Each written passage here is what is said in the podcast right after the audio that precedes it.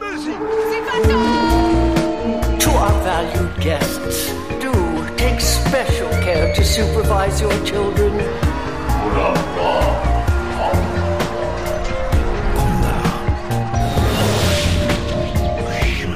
Het is weer ochtend in Pretparkland.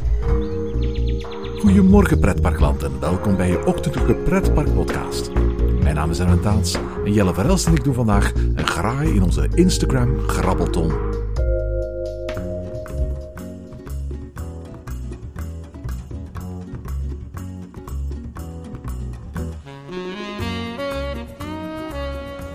Goedemorgen Jelle. Goedemorgen Erwin. En goedemorgen in Plopsaland. We nemen deze grabbelton aflevering op in ehm, ja, een van de parken in België waar dit jaar een grote nieuwigheid staat. Ja, we staan hier eigenlijk zelfs op de dag van de officiële opening van de Ride to Happiness. De Bye Tomorrowland moet ik erbij zeggen. De, de nieuwe eh, Extreme Spinning Coaster van Mack hier in Plopsaland Pannen. Maar daar gaan we het nu niet over hebben. Nee, daar hebben we hebben heel veel vragen over gekregen. Eh, maar daar verwijzen we graag voor naar onze vorige aflevering vanochtend in het Pretparkant. Waar we het uitgebreid eh, hadden over eh, onze meningen van de Ride to Happiness. Vandaag zijn we hier om de Grabbelton af- aflevering op te nemen. Eigenlijk is dit een dubbele openingsdag hier in, in. Straks, wanneer we dit opnemen, vindt de officiële opening plaats van het Tomorrowland themagebied en de Ride to Happiness. Vanochtend vond de officiële opening plaats van het Plopsa Hotel. Uh, en dat is ook een, een, mijlpaal in de geschiedenis van Plopsaland. Want ik geloof dat, dat het oorspronkelijk al voor 2008 gepland stond. Ik geloof dat ik ergens al een plattegrondje uit, uit die tijd had. Waarop stond binnenkort Plopsa Hotel. We zijn ruim tien jaar later en eindelijk is het er. Ja, en een zeer mooi hotel. Hè. Het is echt wel een degelijk hotel. Het, is, het, heeft, het, het roept een bepaalde luxe op als je binnenkomt, als je door de kamers wandelt. ehm, die je gewoon mag zijn van een merk als Plopsa, hè, waar, waar je toch bepaalde luxe verwacht, denk ik. Dat, eh, ook, het past wel in de rijtjes van, van hotels die we de afgelopen jaren hebben gezien bij, bij grotere andere pretparken. Hè. Denk aan Europa Park, waar er ook een aantal luxueuze hotels staan. Ik vind dat in dat rijtje past. Ja, absoluut. Ze hebben ook zeker een aantal kamers. eh, denk maar aan bijvoorbeeld de Piet Piraten eh, eh, die echt kunnen wedijveren met wat in Europa Park staat. Misschien even wat achtergrondschetsen. Steve van de Kerkhof vertelde dat ze vooruit wilden met, met Plopsaland te pannen. En dat men eigenlijk op zoek was naar van... Oké, hoe kunnen we eigenlijk nu het aantal bezoekers waar Plopsaland nu aan zit... ongeveer 1,5, 1,6 miljoen bezoekers per jaar... hoe kunnen we dat optrekken naar 2 miljoen... en daarmee in de top 20 van meest bezochte parken van Europa komen. Eh, Want dat is eigenlijk de betrachting die, die Plopsaland met zijn, met zijn ja, flagship resorten hier in de pannen eigenlijk heeft. En dan keken ze naar al die parken die in de top 20 stonden. Je kent wel die lijst die elk jaar uitkomt eh, van de TEA in, in juni. Ik geloof dat het nu pas in augustus gaat uitkomen. En toen gingen ze op zoek naar, oké, wat hebben die parken dat Plopsaland nog niet zou hebben? Eh, want ze ha- hadden al een groot theater, ze hadden al een waterpark. Wat zouden ze nog kunnen gaan toevoegen? En dan bleek eigenlijk dat Plopsaland het enige park was in die top 20, of zo goed als het enige park in de, de top 20, dat nog niet over een eigen hotel beschikte. Ja, en ineens is Plopsaland gegaan naar het hotel, maar is ze ook bezig met de verblijfsvergunning hier naast het park, aan de andere kant van het park. We hebben ze een camping opgekocht en daar komen ook huisjes van het park. Daar is nu al op dit ogenblik ja, een kampeerplaats van Plopsa. Dus ook daar zijn ze mee bezig. Dus de, de meerdaagse gasten moeten echt bijkomen bij Plopsaland. En dat dat ook een groeimarge is voor een pretpark. Hè, dat waar ze zeggen van ja, kijk, we hebben al heel veel eendagsbezoekers, maar we willen ook mensen hebben die voor meerdere dagen komen. En dan is natuurlijk een hotel en accommodatie algemeen een must. Ja, absoluut. Voor bezoekers is het absoluut een meerwaarde. Ze blijven eh, een aantal dagen in dezelfde sfeer. Eh, maar moeten, moeten daar uiteindelijk maar één verplaatsing eh, voor, voor doen in plaats van verschillende verplaatsingen. Voor de buurt is het ook handig. Natuurlijk als er een heleboel mensen zijn die in plaats van verschillende dag verblijven doen, in het hotel blijven overnachten, dan scheelt dat natuurlijk aan overlast bij de, bij de buurt. Omdat dat eigenlijk mensen zijn die twee dagen het park bezoeken, maar maar één keer een verplaatsing moeten doen. Als je de prijzen bekijkt op de website van Plopsaland, dan krijg je in eerste instantie ongetwijfeld een soort van stickershock van wauw, dit is duur. Maar Plopsaland gebruikt eigenlijk dezelfde formule die ook Paradise voor zijn Paradise Resort gebruikt. Hè? Ja, dat klopt. Hè. Dus waar ze eigenlijk een all-in formule hebben. Ze voegen daarbij parkeertickets toe, parktickets. De, de ingang tot zowel Plopsaland als Plopsakwa is, is inbegrepen. Voor zowel de dag voor als de dag na je vertrekt. Dus als je twee nachten blijft, heb je ook drie dagen toegang tot de parken. Ehm, daarnaast hè, zit er ook een ontbijtbuffet en een avondbuffet inbegrepen in de kamerprijs.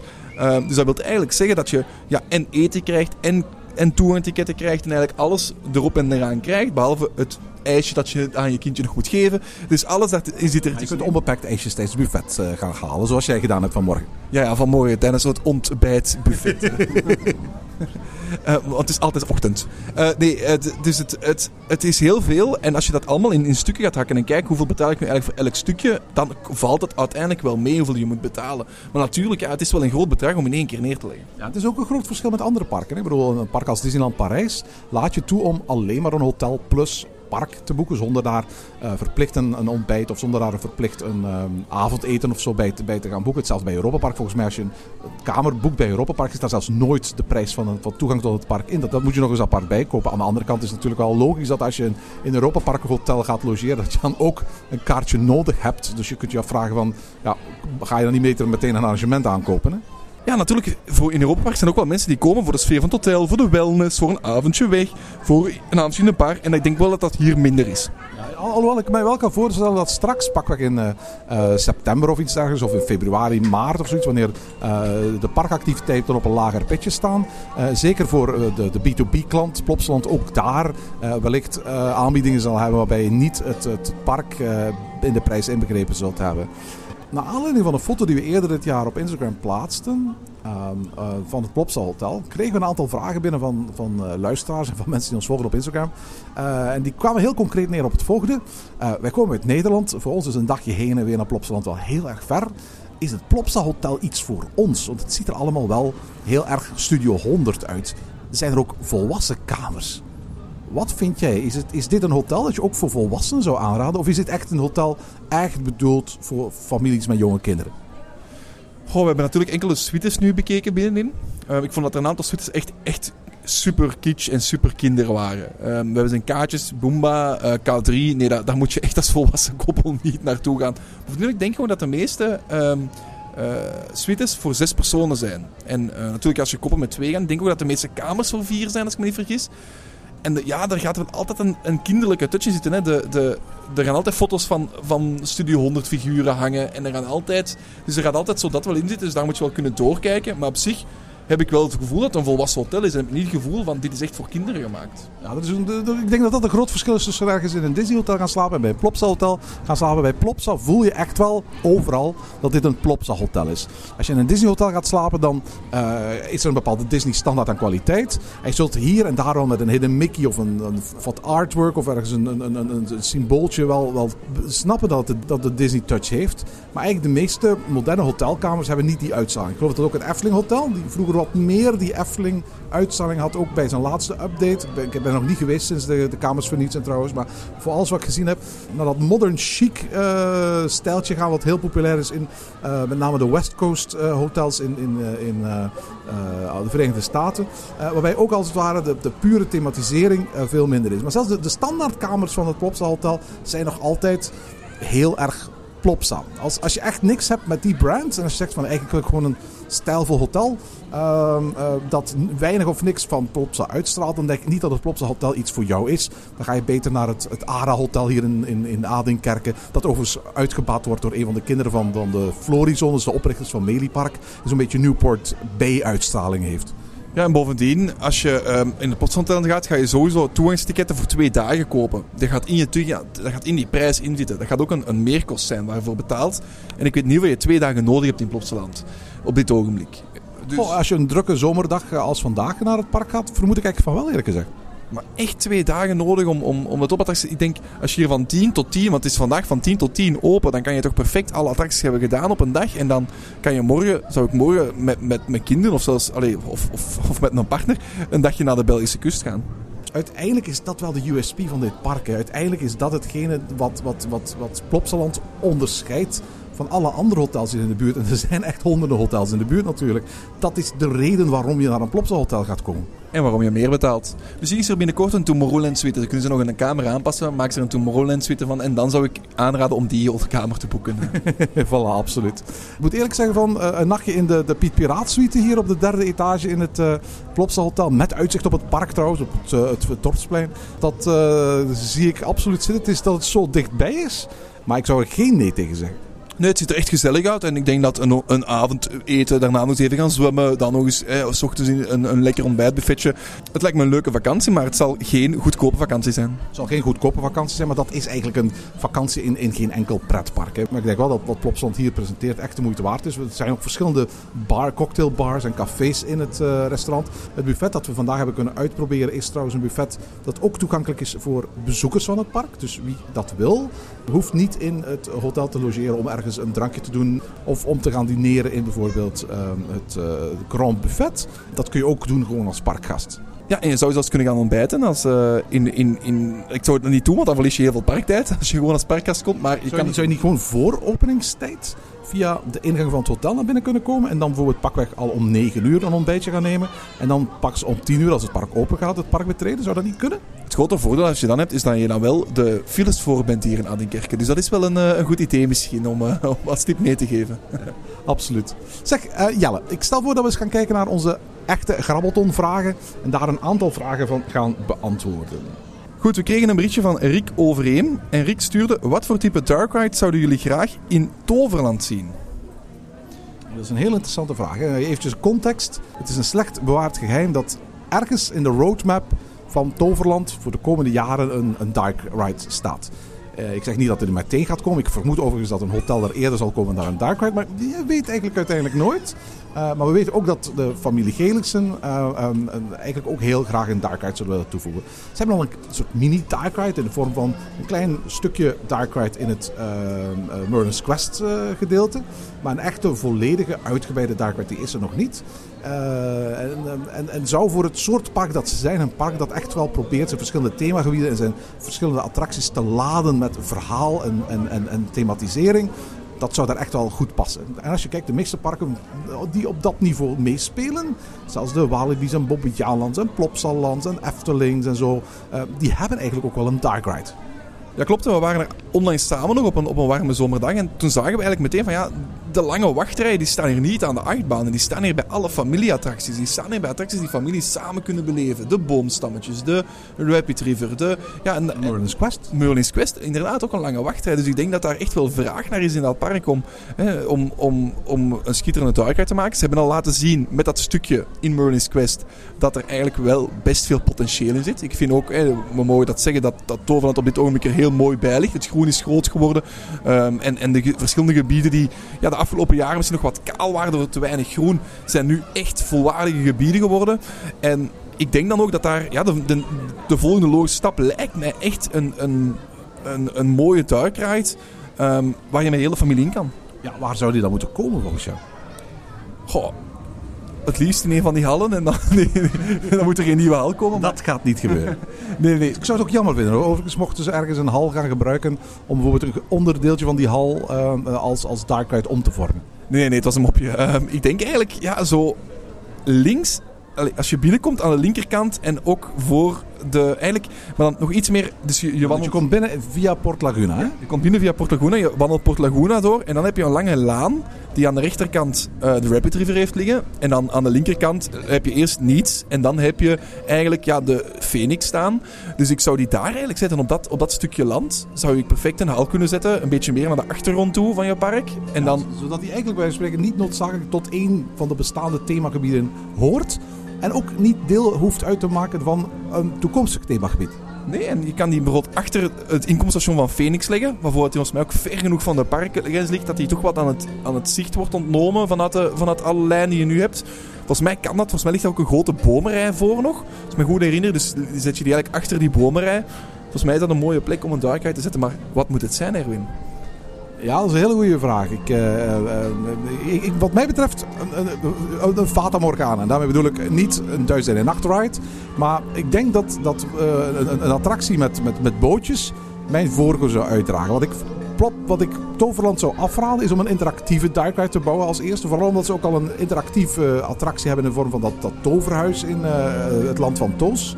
Dus dat zou ik niet doen. Ik denk dat, dat uh, zo'n attractie als een Midway Mania of een Mouse au Chocolat uh, wel succes zou hebben. Maar ik weet niet of het op dit moment in het, uh, plaatje van, van, van Toverland zou passen. Ik denk het eigenlijk niet. Alhoewel het natuurlijk wel zo is dat je daar via het concept van toveren en interactiviteit wel een en ander kunt doen. Hè. Uh, ik kan me ook wel voorstellen dat ze uh, uh, bijvoorbeeld gekeken hebben naar dingen zoals Popcorn Revenge in Walibi Belgium. Wat uiteindelijk ook een, een, een prima systeem is. Een, dat is een trackless systeem dat volledig screen-based is. dat heel veel mogelijkheden heeft om ook variatie aan te brengen. En ook het thema aan te gaan passen aan wat zij willen, willen doen. Ik kan me heel goed voorstellen dat je um, een of ander toverthema uit, uit, uit een andere cultuur neemt. Of uit de geschiedenis neemt. Daar op een of andere manier aan passen. Ik kan me ook wel voorstellen dat um, Toverland, als we zien hoe Toverland de afgelopen jaren dingen gethematiseerd heeft, um, zelfs al zouden ze een screen-based Dark Ride maken, dat nog altijd voor een heel groot stuk uh, zwaar zou decoreren. Dus dat er ook heel wat fysieke elementen in die attractie zouden aanwezig zijn. Ja, dat kan ik wel voor, dat kan ik ook wel geloven. En ik hoop eigenlijk dat er net wel een interactieve duikheid komt. Ik denk dat dat een unique selling point van Toverland kan zijn. Want het staat nog niet echt in de buurt van, van, van Toverland. Ik denk dat het dichtstbijzijnde gaat in Bobby Aland staan. En dan denk ik niet dat het van dezelfde hoogte is als, als we ja, met schermen en met 3D-brillen bijvoorbeeld. Of, of een Popcorn Revenge waar wel geen 3D-brillen worden gebruikt, maar waar toch ja, dat effect in zit een beetje. of die Walibi Belgium en Toverland, dat is toch al behoorlijk ver uit elkaar. Hè? Ja, want ik denk, als je kijkt naar de parken die in de buurt staan, dan ja, misschien Fantasieland, ik weet niet hoe, maar dat is ook al een, eindje denk ik. Hè, want ik denk dat Moviepark heeft eigenlijk geen interactieve dark ride. Efteling heeft er geen. Uh, Walibi Holland heeft er geen. Ja, ik... Nou, Efteling gaat misschien pretenderen dat de symbolica een interactieve dark ride is. Maar die activiteit daar is, is zo minimaal dat het die naam niet waard is eigenlijk. Hè? Nou, we mogen die, die dark ride in Hellendoor natuurlijk niet vergeten. Die wel een beetje interactiviteit heeft. Maar het is niet het, met schermbeest. Ik denk dat zo'n Popcorn Revenge met een nieuw thema echt een mooi... Dat, moet ook, dat heeft ook geen super grote footprint. En dat, kan volgens mij een mooi thema zijn. Dat is geen grote capaciteitsmonster. Maar dat moet volgens mij dit, op dit ogenblik in Toverland ook nog niet. Er mag op dit ogenblik wel een wachtrij staan. Laten we ons dat eerst doen. En laten we ons dan naar de toekomst kijken. En daar dan bijvoorbeeld... Uh, we mogen dromen. Het is. We mogen dromen een Harry Potter clone krijgen. Wel, ik mag daar wel iets over zeggen. Eh, ik weet dat ik heb uh, zowel met de ontwerper van Mouse Chocolat, uh, Erik Daman, als met de directeur van Walibi Belgium, Jean-Christophe Parent, gesproken. En beide vertelden mij iets over die respectieve dark rides. Dus, dus Moses Chocolat en Popcorn Revenge. En dat was het volgende. Zij vonden het bijzonder nuttige, interessante, boeiende, essentiële elementen in hun park. Ik herinner me nog dat Jean-Christophe tegen mij vertelde van... Maar Erwin, niemand gaat ooit speciaal voor Popcorn Revenge naar Walibi Belgium komen.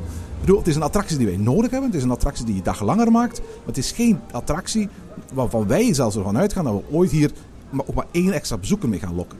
Ik denk wel dat op het niveau van evolutie waar Toverland zich bevindt, dat daar eigenlijk wel, als zij investeren in een grote dark ride, een attractie zou moeten komen die bezoekers lokt. En daarom twijfel ik of dit soort attracties wel het juiste type is voor Toverland op dit moment in zijn evolutie.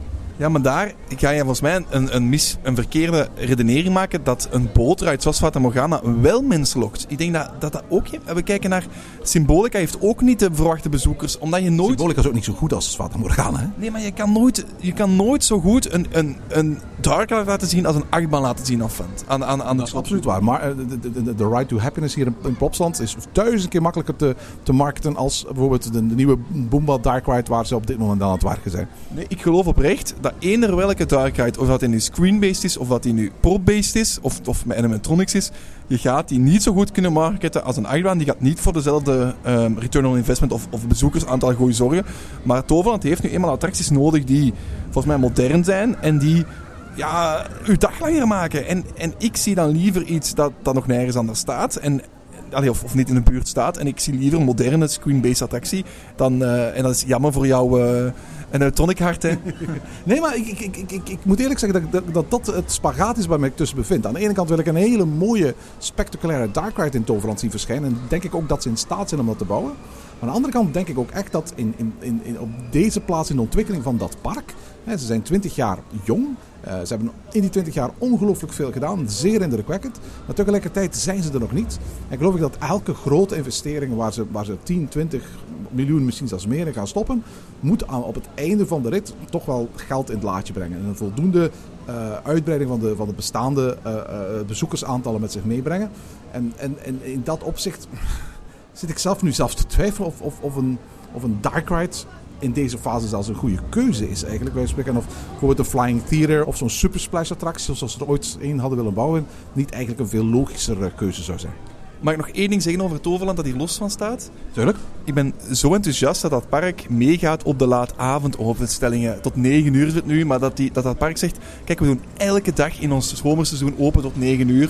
We hebben daar een avondje, een, hele dag gezeten, maar ook tot s'avonds gezeten. En ik vind het zo gezellig om s'avonds laat nog in een pretpark te zitten. Ik vind het zo jammer dat onze Belgische parken op, op bijvoorbeeld, ja, nu op, op, op woensdag en zaterdag, denk ik, Plopsland de Pannen na, die wel langer open blijft, dat die altijd zo vroeg sluiten. 6 uur, 7 uur, die sluiten. En dan zijn ze zo trots als ze een uur langer open zijn tot 7 uur. Dan denk ik van, doe gewoon langer open. Ja, ja, ja. Nu moet ik wel zeggen, ja, de, de corona-epidemie is nog niet afgelopen.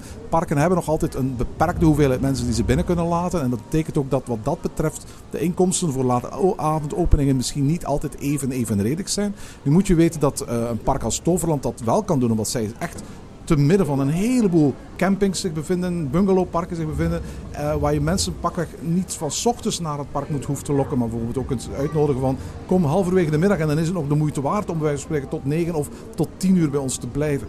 In dat opzicht werkt dat anders dan een park dat echt een bestemming is als, als, als, als, als plek op zich, waar je echt wel eventjes voor in de wagen moet gaan zitten. Hè? Ja, klopt, inderdaad. Ja, misschien is dat, is dat de reden, omdat het echt een toeristisch gebied is waar mensen naartoe kunnen komen. Um, dat daardoor meer mensen, en daar ook meer mensen ja, dat, die attractie kunnen doen, dat daardoor ook makkelijker tot 9 uur open kan zijn. Dat zou kunnen. Dus je afvraagt wat dit uh, geluid is op de achtergrond. Het is een hele warme dag. Dus op dit moment met karretjes allemaal alle horecapuntjes aan het uh, voorzien van, uh, van nieuwe drankjes aan deze temperatuur wordt er ongetwijfeld ontzettend veel geconsumeerd. Ik heb het gevoel dat ze alleen maar aan de verkoop van drankjes vandaag al de Right to Happiness terug zullen verdiend hebben. In elk geval, ik heb er al aan bijgedragen. ik ook, ik ook. Erwin, we hebben nog een vraag gekregen die er eigenlijk een beetje op, toe, op, op volgt. Die komt van KV Veen. En hij stuurt, hebben jullie wel eens een wow-moment gehad in een dark ride? Ik neem aan dat jij die wel gehad hebt. Oh ja, absoluut. Ja, ja, ja. Ik, ik, ik denk voor mij, mensen weten dat, uh, een achtbaan, uh, dat is de kers op de taart of het toetje. Maar dat is wat, mij betreft niet de essentie waarom ik naar een pretpark ga. De reden waarom ik naar een pretpark ga is dat volledige onderdompelen in, in een andere wereld. En dat heb ik door het thema, dat heb ik door de architectuur, dat heb ik door het culinaire en dat heb ik ook door attracties zoals Dark Rides die daar ontzettend aan, aan, aan kunnen bijdragen de vraag die hier gesteld wordt, heb je ooit een wauw-ervaring gehad in een pretpark? Ik ben daar een heel klein beetje bang voor om die heel concreet te beantwoorden. Waarom? Omdat ik eigenlijk eerlijk gezegd zoiets heb van dan bouw je te veel op naar een bepaald soort één moment. Terwijl ik eigenlijk veel liever heb dat alle scènes in een, in een, in een min of meer gelijkwaardig zijn. In plaats van dat daar zo opgebouwd wordt naar één moment suprême. Waar je echt het gevoel hebt van wauw. Ik kan niet onder stoel of banken steken dat, om nog maar eens Fata Morgana te gebruiken. Uh, dat op het moment dat je daar in de, de troonzaal terechtkomt. Hè, met al die animatronics. Dat ik daar eigenlijk tot op de dag van vandaag van onder de indruk was. Vroeger van alles wat er te zien was. Nu voor het feit dat ze dat in 1986 gewoon maar gedaan hebben eigenlijk. Maar als ik heel eerlijk bedenk wat, wat mijn laatste wow-moment was in een Dark Ride, dan, dan moet dat waarschijnlijk de, de waanzinnige animatronic van de shamaan zijn aan het einde van uh, Navi River Journey. Uh, Navi River Journey is een attractie in uh, Pandora The World of Avatar, in Disney's Animal Kingdom. het is een bootritje door een fosforiserende wereld. Je kent wel die, die, die beelden uit, uit Avatar. En de Dark Ride op zich is, is mooi en kort, een zestal minuutjes. Je dobbert wat door een bijzondere wereld. Maar vlak voor het einde komt daar de meest spectaculaire animatronic die ik ooit heb gezien. Uh, en ik had uiteraard al beelden gezien van hoe vloeiend die bewoog op, op, uh, op YouTube voor ik die in het echt zag. Maar het was pas toen ik daar voor het eerst voorbij vaarde en, en zag hoe enorm groot hij was. En hoe waanzinnig vloeiend die bewegingen ook waren in het echt. Dat ik echt zoiets had van, oh mijn god, dit is wel heel indrukwekkend. Ja, ja, ik heb hetzelfde gevoel bij die attractie. Dat is ook als ik een wow moment moest bedenken van hier werd ik echt mee verbaasd. Dan denk ik ook aan die aan die scène. En dat komt volgens mij ook omdat de rest van die attractie is wel goed. Het is wel een leuke attractie, maar daar heb je nergens het wow-effect. En dan komt die, die animatronic en dat is meteen, ja, daar werd al zoveel over gezegd voor je naartoe gaat. En dan zit je er eigenlijk in, dan zie je die animatronic en dat. En ook, ik denk dat het ook een binnenkopper is, want ik denk dat iedereen die die ooit heeft gezien, dat dat echt het ultieme wow-effect was. Ik, ik heb ook, ik wou denken welke parken heb ik ook bezocht die, die mooie dark hebben. En dan denk ik bijvoorbeeld aan uh, Tokyo Disney Sea en Tokyo Disneyland, waar er ook een aantal unieke dark staat. Maar van geen enkele van die dark heb ik dat wow-effect gekregen als dat ik daar bij de shaman heb gehad. Een vraag die ons in onze grabbelton binnenviel van fanparks is: van welk park zou jij de directeur willen zijn en wat zou je dan anders doen? Ik zou graag de directeur zijn van eender welk pretpark. Ik denk dat dat een heel leuke beroep is. Uh, het, het, wordt altijd zo natuurlijk wel een beetje geïdealiseerd in, in, in je ideeën van wat een directeur moet doen. Ja, het is niet dat je Planet Coaster aan het spelen bent hè, als directeur. Het is jammer eigenlijk hè, dat, je, dat je dan zo kan... Volgens mij is het echt zo'n zo'n zo'n zo'n deal waar je ontzettend veel vergadert, waar je ontzettend veel moet netwerken, waar je ontzettend veel belangrijke politici en mensen die beslissingen kunnen doorduwen moet, moet gaan, gaan, gaan praten. Uh, het is niet een kwestie van bij wijze van spreken, uh, omdat het mooi weer is, de prijzen op de drankjes wat hoger zetten. Of als het regent, snel de paraplu-prijs een beetje. absoluut. Dat is, uh, dat is niet wat een pretparkdirecteur doet. Nee, nee, het klopt. Het, klopt. Uh, het, het wordt een geïdealiseerd beroep, maar laten we ook even in dat geïdealiseerd idee blijven. En dat je als, als pretparkdirecteur alles mag doen en laten wat dat je wilt. En dat je, dat je allee, natuurlijk binnen de financiële lijn een beetje en zo verder, maar dat je meer mag zetten. Goh, ik heb, een, ik heb een enorm hart voor Bobby Aland, dat, dat weten de luisteraars. Ik zou heel graag, dat is mijn thuispark. Dus ik denk, als ik daar een eerste antwoord moet op geven, dan denk ik ja, Bobby Aland. Omdat daar ook wel veel, misschien andere beslissingen zouden invallen. Of dat je zou denken van, ah, waarom wordt dat niet gedaan, wordt dat niet gedaan. Dat je een beeld in die interne keuken krijgt van, misschien wordt het ook wel duidelijker waarom bepaalde beslissingen zijn genomen in het verleden. En waarom dat het waarom bepaalde dingen niet gedaan worden waarvan je denkt van, Oké, maar dat is zo voor de hand liggend. Doe dat toch eens. Ja, klopt. Inderdaad. Dus ik denk dat, en dat je dat als directeur wel, wel meer en meer te zien krijgt van eender welk pretpark. Ik denk, ja, van de Efteling zou, zou nog cooler zijn, nog doffer zijn. En ja, van Disneyland, om eigenlijk eens een nieuwe attractie te kunnen zetten in het park. ik denk dat dat frustrerender is als je als, je als pretparkliefhebber pretparkdirecteur zou worden, dan je eigenlijk op het eerste zicht zou denken. Ik denk dat we allemaal dat onze vingers jeuken om allerlei dingen te gaan veranderen. Uh, en dat zelfs al zouden de budgetten op tafel liggen, er zoveel hinderpalen liggen tussen droom en werkelijkheid dat je denk ik als gemiddelde pretparkliefhebber daar eerder frustratie voor zou krijgen dan wat anders. Maar het is natuurlijk wel heel tof als je, zoals vandaag Stief van de Kerkhof, een achtbaan die je ooit uh, voor het eerst gedaan hebt ergens in een Amerikaans park, aan je publiek kunt gaan voorstellen met, met gepaste trots. Hè. Het is mij ook wel heel tof als je, zoals Stief van de Kerkhof, heel de wereld mag rondreizen om achtbanen te gaan doen. Ja, maar voor alle hij doet ook wel andere dingen dan dat. Hoor. dat is, uh... Maar goed, het, is een idee. Hè. Eh, je moet een nieuwe attractie doen. Oh, misschien moet ik even gaan kijken in China.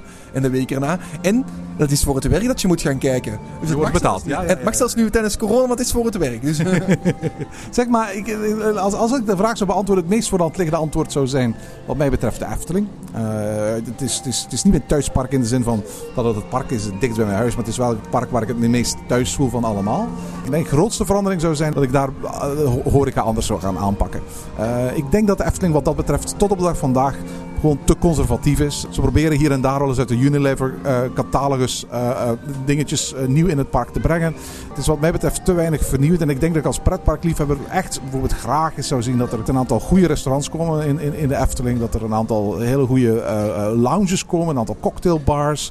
Dingen die ook vers bereid worden, waar ook een, een, een, een kok aan het, het staat. Dat zijn allemaal veel duurdere beslissingen dan wat ze op dit moment aan het doen zijn natuurlijk.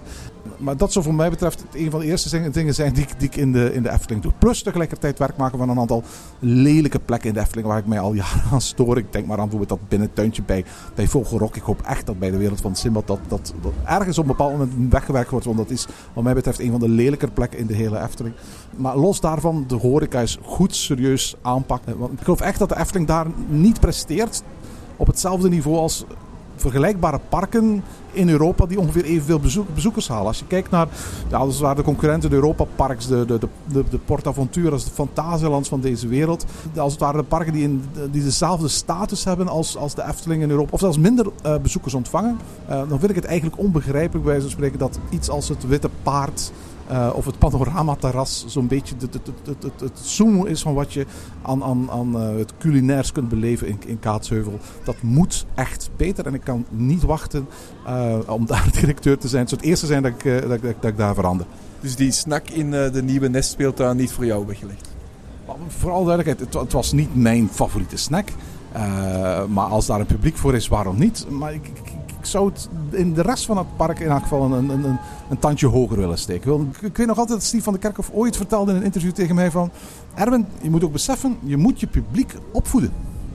Ik bedoel, als, als park moet je niet zomaar bij wijze van spreken 100% laten leiden door wat het publiek wil. Soms kun je ook gaan als park gaan zeggen van kijk, vanaf nu is dit het niveau waarop wij willen presteren. Dit moet het park maar leren. Ik, denk dat het, het, het Europapark daar een heel mooi voorbeeld van is. Ik denk niet dat de gemiddelde bezoeker die per ongeluk in Europa Park terechtkomt van tevoren weet van hoe culinair het er allemaal aan toe gaat. Maar zodra je ontdekt hoe fijn dat wel niet is, uh, dan, dan, dan wil je daarna niks anders meer. Dat moet je echt kunnen proberen. Ik denk dat we dat ook in Wallaby België hebben gezien, hè, waar ze ook met dat Indisch eten zijn gekomen. Waar de Tiki Masala ook even van het menu weg is gekomen, weg geweest. Nu... hoorde dat hij weer terug was. Ja, nu staat hij er weer terug op. Ik, ik heb die nog gegeten de laatste keer dat ik er was. En ja, dat is ook iets dat, dat je mensen terug moet aanleren. Hè. Je mensen moeten aanleren van kijk, dit is ook eten dat je kan eten in een pretpark. Dus ja, we kregen ook een vraag binnen van JBVD Beek 21. Uh, en die stelde ons: wat is jullie mening over Sirocco? Die komt in de Efteling. In onze vorige Grabbelton-aflevering hebben we er al een beetje naar gehint. Toen waren de plannen nog niet uh, naar buiten gebracht over die wereld van uh, Sindbad, zoals de Efteling dat de komende maanden wil gaan realiseren. Vanaf 6 september, als ik me niet vergis. Met de bedoeling dan in de loop van de winter uh, eigenlijk het kinderavonturen doolhof te veranderen in een waterfontein speelplaats. En om Monsieur Cannibal om te bouwen tot Sirocco. Hij vraagt hier, wat vinden jullie eigenlijk van die plannen? Ik heb er echt heel weinig van gelezen. Dus ik, uh, mijn mening is, is puur van het vaag te horen. En van het is één keer een overview, de, de overview schets te zien, denk ik. Uh, dus, dus ik ga daar niet te, diep op ingaan. Maar ik vind wel dat het een themagebied is, of, of een gebied is dat een upgrade mocht hebben. Dus, dus dat heel dat, pleintje, dat Tolhof, uh, mocht een upgrade hebben. Ja, we weten al langer dat er iets moest gebeuren aan Monsieur Cannibal. Um, zeker nu ook nog de, uh, het gedoe met de muziek erbij is gekomen. Er moest iets gebeuren met Monsieur Cannibal. Uh, dus, dus het is een goede stap om dan ineens heel het gebied aan te nemen. En ik denk, een waterspeeltuin, ja, je moet ze niet open doen in de winter. Dat is absoluut waar. Maar aan de andere kant uh, denk ik wel dat het een goede toevoeging is in het park. Om een extra speeltuin te hebben, om een extra plaats te hebben waar jongeren kunnen rondonsen. Ja, absoluut. Een, een extra waterspeeltuin. In elk geval op die manier hebben ze nog niet in het park. Ik kan me voorstellen dat daar behoorlijk wat gezinnen aan de ene kant blij mee zullen zijn. Tenzij hun kinderen helemaal op het eind van de dag er nog in willen. Dan gaan, voor ze naar de auto moeten, dan gaan ze minder blij zijn. Dat zien we hier in Plopsland maar al te vaak. ik wou net zeggen, vanmorgen kwam in Plopsland binnen en daar zitten de gezinnen rond de dansende fonteinen en de kinderen in uh, zwempakken door aan het crossen. Dus uh, ik denk dat dat wel vaker gebeurt. Slimme ouders die dat weten en al een zwempak hebben uh, meegepakt. Want als dat niet het geval is, dan wordt het anders wat problematischer. Goh, wat vind ik van Sirocco en Archipel? Eerst iets over de namen. Daar hou ik niet van. En ik, ik zal je vertellen waarom dat dat is. Ik, ik denk dat de Efteling en ontwerpers bij de Efteling voor buitenlandse bezoekers niet genoeg beseffen hoe aantrekkelijk het klein Nederlandse, het Brabantse eigenlijk wel niet is in het totaalgegeven van wat de Efteling betekent. Um, dingetjes die wij spreken voor een gewone Brabantse bezoeker de normaalste dingen van de wereld zijn, dat zijn dingen die voor ons als Vlaamse bezoekers, als Belgische bezoekers, juist heel erg bijzonder zijn. En ik geef eerlijk toe, ik vind het eigenlijk wel heel tof als parken wat dat betreft hun eigenheid bewaren. Ik vind het prima als een, een, park in Zweden of in Denemarken gewoon Zweedse en Deense namen geeft aan attracties. Dat moeten geen Engelse namen zijn. Dat moeten geen namen zijn zoals Sirocco, zoals Baron, zoals Archipel, um, zoals Max en Moritz. Die eigenlijk bij ze spreken ook internationaal perfect uh, werken. Uh, en ik denk dat in dat opzicht dat de Efteling misschien te vaak te internationaal denkt. En dat we daardoor misschien juist een uniek element gaan verliezen in de Efteling, wat de Efteling zo bijzonder maakt. Opnieuw, het stoort een bezoeker niet als hij in Frankrijk is om overal Frans te zien. Het stoort een, volgens mij een, een, een buitenlandse bezoeker aan de Efteling absoluut niet om die couleur lokaal ook in de namen van, van attracties en gebieden terug te vinden. Sirocco en Archipel zijn van die speciaal gekozen namen om als het ware taaloverschrijdend te zijn. Dus die ook werken in het Frans en in het Engels en in het Duits en in het Nederlands. Maar dat had eigenlijk niet gehoeven. Ik geloof bijvoorbeeld sterk dat een attractie als Droomvlucht, als die vandaag gebouwd zou worden, nooit meer Droomvlucht zou, zou heten. Dat zou echt zoiets zijn als Elvira of iets dergelijks. Zo'n zo'n zo'n andere naam uh, die op een of andere manier internationaal zou klinken en op een of andere manier internationaal zou, zou, zou werken. Ik denk op honderden manieren moet Efteling heel goed beseffen waar de kracht zit van zijn hart en zijn ziel. En dat is niet alleen het sprookje, het verhaal, het Anton Pieckse. Maar dat is ook dat, dat, dat Nederlandse, dat Brabantse dat in dat hele park zit. En dat maakt het niet alleen herkenbaar voor die bezoeker uit Nederland. Dat maakt het ook juist heel bijzonder voor die bezoeker uit andere landen. En door die internationale tour te veel op te gaan waar het eigenlijk niet nodig is, verliest het park wat mij betreft pluimen in plaats van dat erop vooruit gaat. Dus die namen, dat zijn van die nondescripte dingen die eigenlijk altijd wel zouden kunnen werken. Maar wat mij betreft hoeft het niet. In België zijn wij vervloekt omdat parken altijd dat soort namen moeten kiezen. Hè? Omdat België is een land met drie talen, Duits, Frans en Engels. En daar moet, wordt er ofwel gekozen voor Engelstalige namen, The Right to Happiness. Ofwel van dat soort verlatiniseerde namen of andere namen die op een of andere manier wel over de grenzen uh, van onze talen heen uh, uh, werken. Het unieke van de Efteling is dat daar het niet hoeft. En ik vind het jammer dat ze eigenlijk nu heel bewust die keuze maken om dat wel te doen. Ja, en ik dacht eigenlijk dat je iets anders ging zeggen toen je, toen je de uitleg begon met ehm, als Belgische bezoeker. Ik denk dat de Sirocco ook bij te veel mensen nog altijd de naam is van de achtbaan die Psyche Underground nu in Wallaby België is. Maar nu, nu denk je echt louter vanuit pretparkfan perspectief. En vanuit, vanuit, vooral duidelijkheid, vanuit dat van een iets oudere pretparkfan. Ik denk niet dat de gemiddelde 14, 15-jarige luisteraar eh, van onze podcast... laat het alsjeblieft weten op Instagram als je hier niet mee eens bent. Meteen aan, aan Wallaby Belgium denkt op het moment dat hij, dat hij Sirocco hoort. Nee, maar ik denk wel dat dat bij de gemiddelde 40-jarige Belg wel is. Alright, maar goed, dat, wat, wat, wat voor percentage is dat in totale bezoekerspercentage van de Efteling? Dat is verwaarloosbaar, lijkt mij. Daarmee rekening te houden. Ja, en, en bovendien het gaat niet om een topattractie. Dus op, op dat vlak zal het misschien nog altijd... Ja, eh, maar blijf. Maar ik vind, ik vind het ook jammer dat die attractie zo weinig weergeeft. Allee, de naam zo weinig weergeeft van wat dat die attractie is aan een of andere plek. Het doet me niet... Het is een Oosterse wind. Voilà. Dus ik- je gaat een beetje ronddraaien in je schipjes terwijl je, terwijl je zo'n Oosterse wind ervaart. We zullen het zien. En, en eh, ik, ik heb... Het is ook hetzelfde, het is vooral duidelijk, het is een herthematisering van Monsieur Cannibal. Hè. Eh, men, men, moest van dat, dat, dat, dat, dat beeld af daar in het midden. Eh, en we wilden er alles aan doen om, ervoor, om te vermijden dat, dat men moest toegeven aan de vele kritiek die rond racisme en die, en die attractie ging. En eigenlijk speelt daarvoor een heel groot stuk wat ik vaak noem het Orca-effect. Eh, het Orca-effect.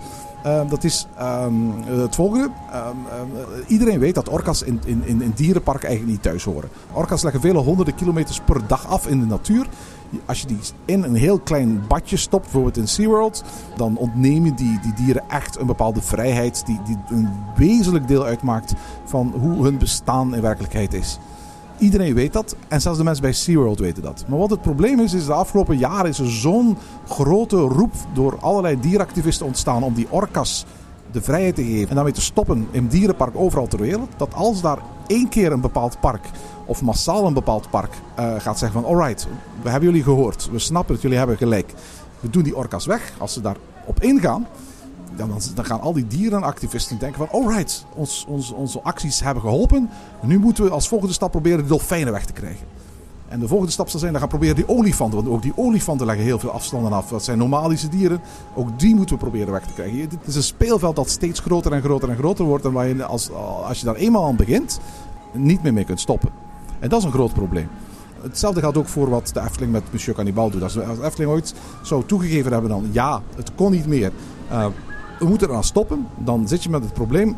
Als, als, als je dat doet, dan staan de volgende keer mensen te, te, te, te jammeren bij de Efteling. Ja, maar eigenlijk Fata Morgana, dat, dat kan ook niet. En de representatie van die cultuur en de representatie van vrouwen, dat kan eigenlijk ook niet meer anno 2021. En eigenlijk Carnaval Festival, dat kan eigenlijk ook niet meer. Ja, de ergste karikaturen zijn er nog altijd uit. Maar laten we heel eerlijk zijn. Bijvoorbeeld Europa wordt bijna als een soort van uniek wit land. Waar eigenlijk zo goed als er geen enkele vorm van diversiteit uh, in aanwezig is voorgesteld in al die gebieden. En als je kijkt naar um, vrouwen en, hoe ze gerepresenteerd worden in het Lava en het Sprookjesbos, dan is het als moederfiguren. Hè. Er is maar één vrouw bij, bij, uh, in het Lavelaar en die moet zich bezighouden met de baby's. Uh, er is maar één vrouw in het kabouterdorp en die moet zich bezighouden met de was doen. Terwijl de, de mannetjes, kaboutertjes gewoon lekker lui kunnen gaan vissen of uit het raampje zitten staren. Ik bedoel, er zijn heel veel dingen te zeggen. En ik snap dat Efteling zegt van we gaan een andere oplossing zoeken. En we gaan dit een soort van brengen onder vorm van we willen gewoon de volledige wereld aanpassen. Uh, en op die manier uh, komen ze in één keer tot constatatie dat Monsieur Cannibal daar niet meer in past. En, en daarmee uit. Maar meer dan dat is het ook niet, hè, voor alle duidelijkheid. Het zal er wel heel mooi uitzien. Ik moet eerlijk zeggen, de, de, de schetsen van, van Sander de Bruin zagen er geweldig uit. Ik ben, ben er altijd een beetje bang van. Uh, één, de korte tijdsduur dat dit uh, hele project heeft. Uiteindelijk moet het op maar een paar maanden gedaan krijgen. Nu, een heleboel elementen zijn, uh, kun je kant en klaar bij spreken achter de schermen maken en dan gewoon in je park plaatsen. Maar toch, als je dat een iets grotere uitwerking wil geven, dan vermoed ik dat daar toch echt wel meer tijd voor nodig is. En tweede is, als ik, en dat had ik de laatste keer dat ik in de Efteling was, dat, dat, dat, dat, aparte pleintje dat gaat verschijnen vlak voor Carnaval Festival. De manier waarop dat afgescheiden zal worden van um, uh, Vogelrok en de rest. Dat lijkt me wel heel erg krap te zijn. Dus ik ben, ben heel benieuwd hoe dat gaat, gaat uitdraaien. Uh, het lijkt me een heel mooi project om te volgen. Het zou te vroeg zijn om nu al heel veel kritiek te gaan spuien op allerlei dingen die we in schetsen gezien hebben. Uh, ik denk dat dat allemaal nog wel zal meevallen. Maar ik ben, ben heel benieuwd hoe, hoe, dat zal uitdraaien. En inderdaad, je zegt het, een, een waterspeeltuin um, openen te midden van de winter. Maar dat is al het gekste idee ooit. Maar goed, eh, het, hij gaat er ook staan in de zomer en hij gaat er ook staan de volgende zomers. En hoe dat de zomers nu zijn, steeds warmer. We, zien- we zien het hier ook. Hè. Hier staat die, die dansende fontein. Hier staat een, een, een eh, grote regenton waar water uitkomt. En daar staan altijd kinderen rond te spelen. Het werkt gewoon in Bobbejaland, een nieuwe waterspeeltuin. Hij is even dicht geweest, is nu terug open. Maar ook daar altijd veel mensen die aan het spelen. Het werkt gewoon en de Efteling heeft sommige plekjes nodig waar kinderen even los kunnen spelen. En ehm, ja, dat heeft dan misschien zelfs te weinig. Misschien dat er op, op sommige plekken nog, nog van die speeltuinen mogen bijkomen zelfs. Alright, gaan we nog één vraag doen, Jelle? Goed, de laatste vraag van Simon Alosserie. Hij vraagt, waarschijnlijk een binnenkopper, maar eh, wat is jullie mening over de nieuwe betalende fastpass in Disneyland Parijs? Niet echt een binnenkopper voor mij, maar ik ga eerst aan jou vragen. Nee, ik, ik wil het meteen weten. Wat bedoel je met niet echt een binnenkopper? Omdat een binnenkopper daarmee wil dan meteen waarschijnlijk denken van ja, iedereen is daar meteen tegen. Toen het, toen het nieuws uitkwam was meteen iedereen, hè, de, de pretparkwereld tot in rep en roer, oh geen, geen betalen, of, allee, eh, geen gratis Je meer. gaat het altijd hebben als je iets wat eerder gratis was, in één keer betalend gaat maken. Maar het idee is natuurlijk dat in dit geval iets wat heel veel mensen konden gebruiken, natuurlijk in één keer door een stuk minder mensen gebruikt zal worden, omdat het in één keer betalend wordt. En wat ik hier juist vind, en ehm juister vind dan, dan mijn, mijn, mijn woede die ik had eerder ten opzichte van, eh, van een, een, bepaald waverspretpark, is dat je hier aan dure prijzen een enkel ticket koopt. Je koopt geen ongelimiteerd ticket. En dat vind ik toch wel een grote stap, een belangrijke stap als je dit maakt. Wat je nu eigenlijk gaat krijgen is, de attracties in Disneyland Parijs hebben een gigantische capaciteit. Zeker de attracties die Fastpass hebben, die, die zijn gemaakt op, op duizenden bezoekers per uur. Die kunnen daar ook in. Die wachtrijen die gaan enorm verkle- ver- verkleinen. En voor de gemiddelde bezoeker, en dat bedoel ik niet mee de, de, de doorgewinterde pretpark van zoals wij zijn en zoals onze luisteraars misschien ook zijn, die gaan een stapje achteruit gaan. Want wij, ja, een beetje tussen aanstekens te zeggen, wij misbruikten dat systeem. We haalden alles eruit wat we konden eruit We halen. kenden echte tricks en tips. We wisten welke fastpass je 's ochtends moest nemen, welke attracties lang een fastpass hadden. En op die manier haalden we echt het maximum uit een dag. Hè? Ja, klopt. Hè. En, en op die manier kon je makkelijk vijf, zes fastpassen halen op een dag. Waar andere mensen hè, eh, de- er maar één of twee gaan halen op een dag. En daarom denk ik van ja, als pretparkfans gaan we daar iets minder aan hebben. Want ja, wij hebben... Ga je ze kopen? Nee, ik kan ze nooit kopen. Ik denk niet dat ik ze ooit zou kopen. Het moet echt een heel drukke dag zijn. Maar ik verwacht ook dat de wachttijden enorm gaan zakken. Ja, misschien moeten we wel even zeggen wat het is. Dus het Fastpass, het voorsteeksysteem van Disneyland Parijs. Dat er jarenlang gratis is geweest. Ik geloof sinds 2001. Eh, dat wordt binnenkort betalend. Waarbij je dus per attractie tussen de 8 en de 15 euro moet betalen voor één ritje. De prijs wordt niet bepaald door het type van attractie, maar door de drukte die op dat moment in het park is. Dus op hele rustige dagen ga je 8 euro betalen, op hele drukke dagen tot 15 euro. En je moet bedenken, dus als je in gezelschap bent, bijvoorbeeld een gezin met twee kinderen, eh, gaat dus voor één attractie 32 euro tot eh, 60 euro moeten betalen eh, om één attractie te doen zonder te moeten wachten. Dat gaan dus niet veel mensen doen. Hè. Ik denk dat eerder nog iets gaat zijn dat, dat gaat gegeven worden bij de duurste kamers. Dat je dan... eh, Wel, dat is wat ik eigenlijk denk. Als je mij vraagt van, van die prijzen zijn heel hoog. En ik snap ook, je mag zoiets niet te laag zetten, want het moet een beetje pijn doen. Je moet ergens altijd twijfelen, zou je dit nu wel doen, zou je dat nu wel niet doen.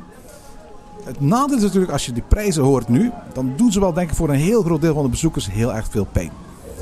Het nadeel is natuurlijk, als vervolgens niemand het gebruikt, ja, dan gaat Disney ook weinig of niks mee verdienen. Ik bedoel, je moet overal bij elke, elke, elke attractie wel een personeelslid zetten. Je moet die infrastructuur voorzien. Als bijna niemand er gebruik van maakt, ja, dan is een sop de kool niet waard. En dan gaat het volgens mij, wat dat betreft, eigenlijk maar een heel kort leven beschoren zijn. In de tijd dat ik al naar Disneyland Parijs ga, heb ik al twee of drie keer een soort van betalend eh fastpass systeem geïntroduceerd zien eh, worden. Steeds naast het bestaande gratis systeem. En dat is telkens na enkele maanden stopgezet wegens weinig of geen interesse. Want mensen wilden het niet. Ehm, de enige manier dat dit succes kan hebben, is als je het op zo'n manier prijst dat er een voldoende groot aantal mensen in elk geval bereid is om dit te doen. Want anders, als je zegt van ja, maar dit, gaat, dit gaan 10 mensen per uur doen, gaan we vooral duidelijkheid voor inkomsten aan, rato van, van 300 euro per uur. Daarvoor gaat Disneyland Parijs er niet aan beginnen. Hè? ik denk echt dat ze het aan de, aan de hotels gaan geven. Ik hoop, ik hoop oprecht, en ik denk ook niet dat dat in deze land gaat- in zit, maar ik hoop oprecht dat ze niet gaan zeggen, oké, we halen overal een trein uit en we halen overal, en we gaan de capaciteit naar beneden gooien om die dingen te verkopen. Ik hoop echt wel dat ze dat niet gaan doen. want- Nou, dat, is mijn, dat is dus mijn vrees. Hè. Dat is echt mijn vrees. Men gaat willen verdienen aan die kaartjes. De enige manier dat je aan een voorsteekpasje kunt verdienen, is omdat als voor genoeg klanten in het park, voor genoeg gasten in het park, de wachtrij eigenlijk te hoog is om te wachten. En dat ze zeggen van eigenlijk, voor de ene keer dat ik hier ben, is wat mij betreft het geld dat Disney vraagt om de wachtrij over te slaan minder erg dan het uur of het anderhalf uur dat ik moet wachten. En dus heb je er eigenlijk als park alle belang bij om die wachtrij zo hoog mogelijk te laten gaan. En dat kan op twee manieren. Ten eerste met fictieve wachtrijen werken. Dus als er staat er nou 15 minuten wachtrij bij een attractie, zorg je ervoor dat in de app en bij de attractie duidelijk staat 30 of 35 minuten. Alleen dat kun je maar heel kort. Mensen beginnen dat door te krijgen, dat, dat gaat een eigen leven leiden. En een tijdje weten mensen van, uh, ja, die, die wachtrijen zijn altijd overdreven, want ze willen van die, van die fastpassen verkopen. Ja, dan zit er maar één ander ding op. Hè. Zorg voor hele langzame operations. Zorg voor minder treinen inzetten. Zorg voor trage manieren van laden. En dat, dat is handig, hè? want vooral dan verdien je geld met het verkoop van fastpassen. Maar je verdient ook geld doordat je minder personeel moet inzetten, zodat je minder treinen moet inzetten. En ik denk dat die doos van Pandora sneller open gaat dan dat je op het eerste zicht zou denken. We hebben dat gezien bij de parken van Merlin, hè, de, de Gardalands en, en, en, en Towers van deze wereld. Waar men echt minimale operations doet, minimale capaciteit met opzet en stand houdt. Alleen maar om ervoor te zorgen dat die wachtrijen langer worden dan ze eigenlijk in elk ander park zouden zijn. Om op die manier die, die, die voorsteekpasjes te verkopen. Hè? Met een heel extreme voorbeeld als Sportaventura, hè, waar ze zeggen ja, de laatste drie kaartjes zijn niet vrij, want mag, je niet, mag niemand gaan zitten, want anders is de wachtrij. Sportaventura, ik, dat is de hel. Dat is echt de hel. Ik bedoel, letterlijk, bedoel, nog lang voor corona ben ik ooit in die Rapid River geweest. En daar werden de bootjes van die Rapid River gewoon per gezelschap geladen. Maar daar zaten we per twee of per vier, nooit met anderen in een bootje. Maar dat had maar één reden. En dat was om die wachtrij zo lang mogelijk te maken, zodat zoveel mogelijk Portaventura Expresspasjes verkocht konden worden.